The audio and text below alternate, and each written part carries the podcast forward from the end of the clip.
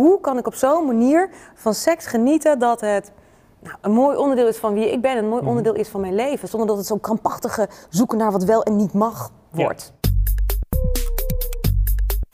Hoi en welkom bij Denkstof. Elke aflevering bespreken wij een thema dat we belangrijk vinden. En dat doe ik zoals altijd natuurlijk met huistheoloog Reinier Zonneveld. Reinier, het onderwerp van vandaag is een beetje ja, de olifant in de kamer, de elephant in the room. Vertel. Seks. Ja, Interessant onderwerp. we hebben er lang genoeg omheen gedraaid. Ik wil het hebben over seks en dan voornamelijk Ja. hoe God tegen seks aankijkt. Vertel. Jongen, jongen. Weet je, ik, ik heb hier niet voor gestudeerd, man. Dus ik heb eigenlijk een beetje het gevoel dat... En, en dan zijn we ook nog weer twee mannen die dan eh, de- over seks moeten praten. Zou het niet veel interessanter zijn als ik een vrouwelijke seksuoloog zou zijn? Dat zeg ik al heel lang tegen je, dat zou veel interessanter zijn. Kokkie Drost, met de pet van Reinier. Fijn dat jij er bent, Kokkie, welkom. Culte toestanden. Hoi, We ja. gaan het over seks hebben, Ja. want jij bent, ben je seksuoloog? Nou, ik ben een relatiecoach en op de een of andere manier heb ik heel veel verstand ontwikkeld van seks. Dus ja. Ja. Eh, nou, dan is het goed dat jij er bent. Laten we even beginnen bij ons denkstofpanel. Daar heb ik namelijk de volgende stelling voorgelegd. Mhm, benieuwd. Christenen doen vaak moeilijk over seks. 67% van de jongeren zegt ja, 33% zegt nee. Wat is jouw antwoord op deze stelling? Ja. Jij vindt dat ook? Ja, nou weet je, moeilijk klinkt natuurlijk heel negatief, van oh, moeilijk, moeilijk. Maar je kunt het ook iets positiever duiden als ze denken er bewust over na. Eh, maar ik merk wel va- vaak een soort van, ehm, ja, het is een tegenstrijdigheid dat ze ervaren. Aan de ene kant is hun seksualiteit is iets, iets wat fijn is, iets wat goed is, iets waar je, ja, dat je interessant vindt, je bent er nieuwsgierig naar.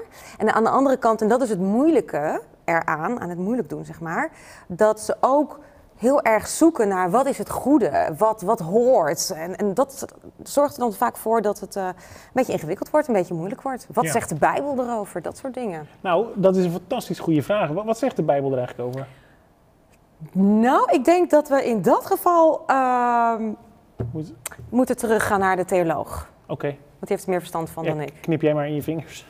Ja, fijn dat je er nog even bent, Dat Renier. nog even weer nodig. Toch nog iets uit jouw vakgebied, want eh, ja, wat zegt de Bijbel eigenlijk over seks? Wordt er over gesproken? Ja, van alles. Eigenlijk het meest in het boekje Hooglied heet dat. Dat is eigenlijk een verzameling liefdesgedichtjes. Maar op een gegeven moment worden ze ook behoorlijk erotisch. Maar Hooglied is ook dat Bijbelboek dat dan...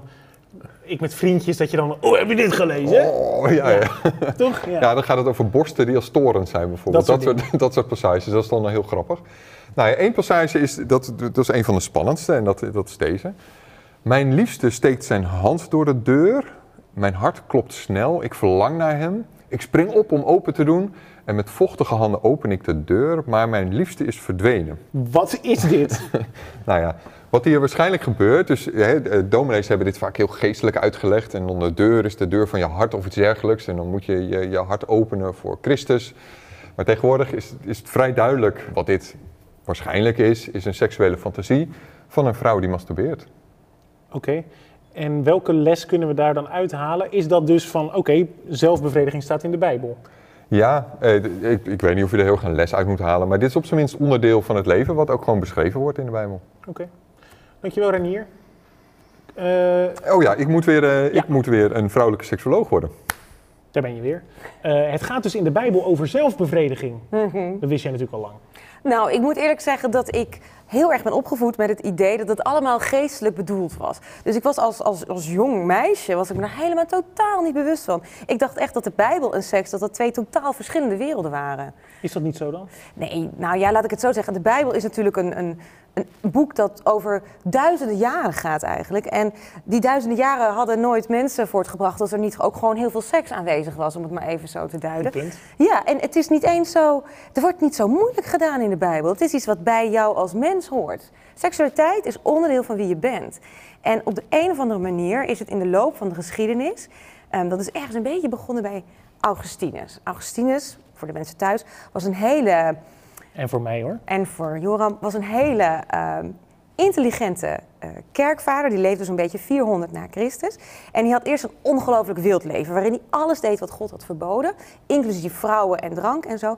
En die is rigoureus tot de bekering gekomen. En heeft alles, alles wat hem van God vandaan hield, weggedaan. Maar dus ook de seks. Hij zei, seks is eigenlijk alleen nog maar goed als je er kinderen doorverwekt. Puur functioneel. Ja, en voor de rest moet je er echt ver van blijven. Omdat hij natuurlijk die donkere, duistere kant had doorleefd die hem bij God vandaan hield. Maar daar is de kerk vrij rigide in geworden. Vrij van, ja, we moeten echt heel voorzichtig zijn met seks, want het kan je bij God vandaan houden. Het kan je heel erg richten op alleen maar op je eigen lijf. En seksualiteit werd eigenlijk iets zondigs. Imagoprobleem. Ja, terwijl het juist natuurlijk iets heel smeuigs is. Dus als dan mensen bijvoorbeeld overspel hadden gepleegd of iemand was zwanger zonder dat er een, eh, een man in het spel was, ja, dan wist de gemeenschap daar wel raad mee. Hoe is nu het imago van seks voor christenen dan, denk je? Nou, ik, ik vind het wel fascinerend, laat ik het zo zeggen, dat ik merk dat christenen en niet-christenen elkaar daar een beetje in aan het vinden zijn. Dat klinkt een beetje gek, maar ik zal het je proberen te duiden. Ehm, kijk, vroeger had je natuurlijk misschien jouw ouders, ook met mijn ouders in ieder geval, die waren heel erg opgevoed met het idee: geen seks voor het huwelijk, dat hoort niet, dat hoort pas als je getrouwd bent. En ergens hebben ze mij dat ook wel een beetje mee proberen te geven. Dus je zat eigenlijk in een soort van als, als christelijk opgevoed een tienermeisje, zat je behoorlijk in zo'n patroon waar je in moest passen. Maar hoe pas je seksualiteit daarin? Er is eigenlijk weinig oog voor, want je moest vooral je aan regels houden, dan was je Ja. een goede christen. Nou heb ik een tijdje terug een, een, eh, paar eh, jonge vrouwen gesproken die juist totaal niet christelijk waren opgevoed, maar heel liberaal. Alles moest kunnen, alles moest mogen, ga lekker experimenteren. En die ervaarden zo'nzelfde soort harnas, maar dan juist dat alles moet kunnen. En alles moet vooral lekker zijn en doen waar jij zin in Oh, hebt. ja. Dus waar we allebei, eh, wat we allebei misten, en daarin zie ik dus nu nou ja, heel veel kansen voor christelijk Nederland, laat ik het zo zeggen, was dat je ontdekt zelf van hé, hey, wat is mijn seksualiteit? Wat is het goede? Hoe kan ik op zo'n manier van seks genieten dat het nou, een mooi onderdeel is van wie ik ben, en een mooi onderdeel is van mijn leven, zonder dat het zo'n krampachtige zoeken naar wat wel en niet mag Ja. wordt. Hoe doe je dat dan? Genieten van seks. Zonder Ja. die, die schuldgevoel die je Ja. dus kunt ervaren door de regels. Jouw seksualiteit hoort bij wie jij helemaal bent. Dat is geen foutje, dat is niet iets van, oh, daar moet je tegen strijden. Die gevoelens mag je eigenlijk niet hebben. Nee, het hoort bij wie je bent als mens. Ehm, sterker nog, ik heb laatst een, een gedragsbioloog gesproken en die zei: Als wij geen ehm, seksuele behoeften hadden, dan zouden we ons nooit voortplanten.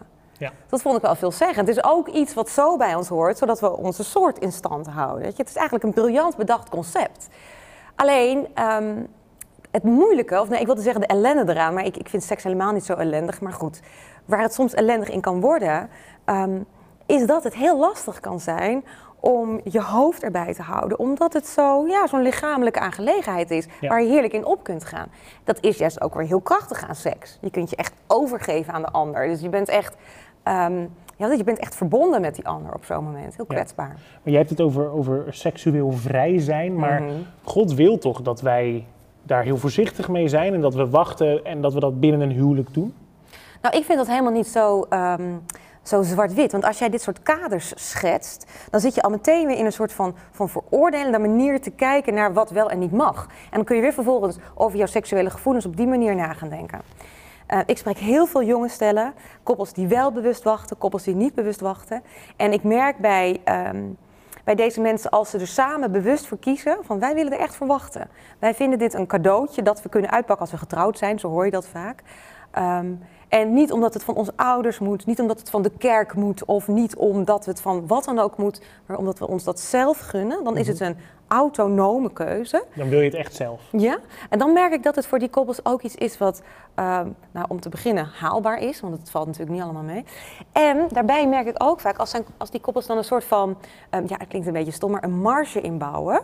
Zo van, weet je, het is ook helemaal niet, niet, niet raar of erg dat we soms in elkaar opgaan. Maar dan is het goed om op een andere manier eventjes of een moment even terug te denken, werkt dat voor ons? Wat, eh, een marge Her- inbouwen? haar- nou, laat ik het zo zeggen. Alsof een soort kast in elkaar. Het klinkt heel Nou, zakelijk. voor, je hebt bijvoorbeeld een bepaalde grens, elkaar strelen met kleren aan.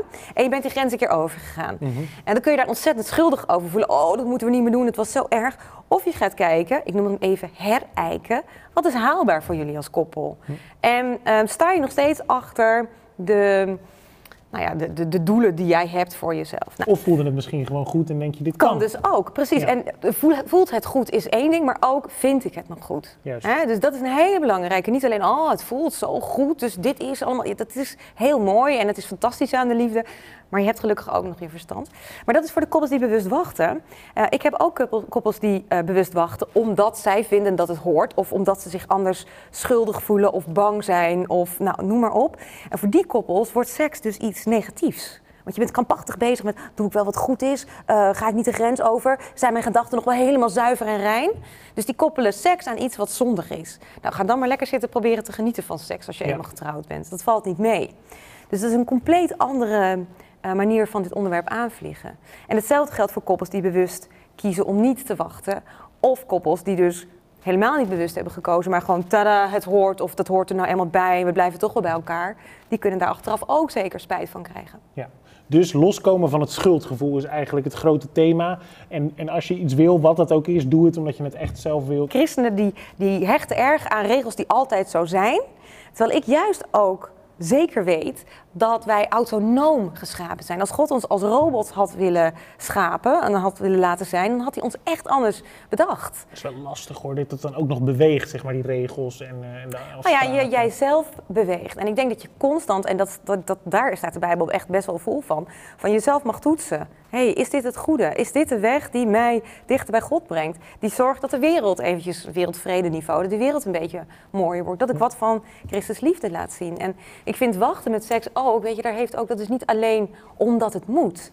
Um, maar je traint bijvoorbeeld ook zelfbeheersing mee. Um, en dat zijn facetten, weet je, waar hoor je dat nog in de wereld dat dat normaal is of dat dat goed is? Terwijl het dat absoluut is. Nog Ja. los van het hele christelijke, dus christelijke context. We gaan eens even kijken wat de jongeren hier in de studio erover te zeggen hebben. Christenen doen vaak moeilijk over seks. Wat vind jij? Ja, dat vind ik wel. Eh, ik vind van niet. Ja, dat vind ik wel. Ja. Ik vind dat christenen heel vaak te moeilijk doen. Ik denk dat veel mensen zich nog ervoor schamen of het gevoel hebben dat het niet mag. Ehm, waardoor juist heel erg zo'n druk erop komt van doe het niet. En daardoor gaan kinderen het wel doen. Veel voor praten.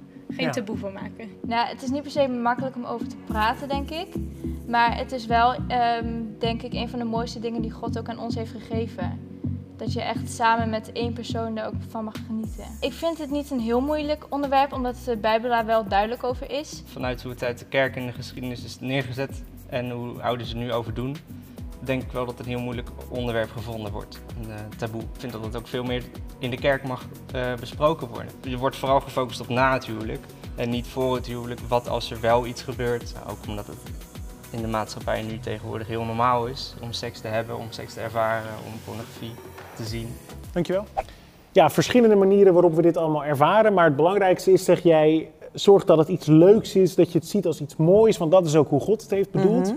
Maar stel jij zit nu te kijken en je denkt, ik ervaar schuldgevoel of ik vind het vooral eigenlijk iets lastigs en iets wat misschien wel verboden is.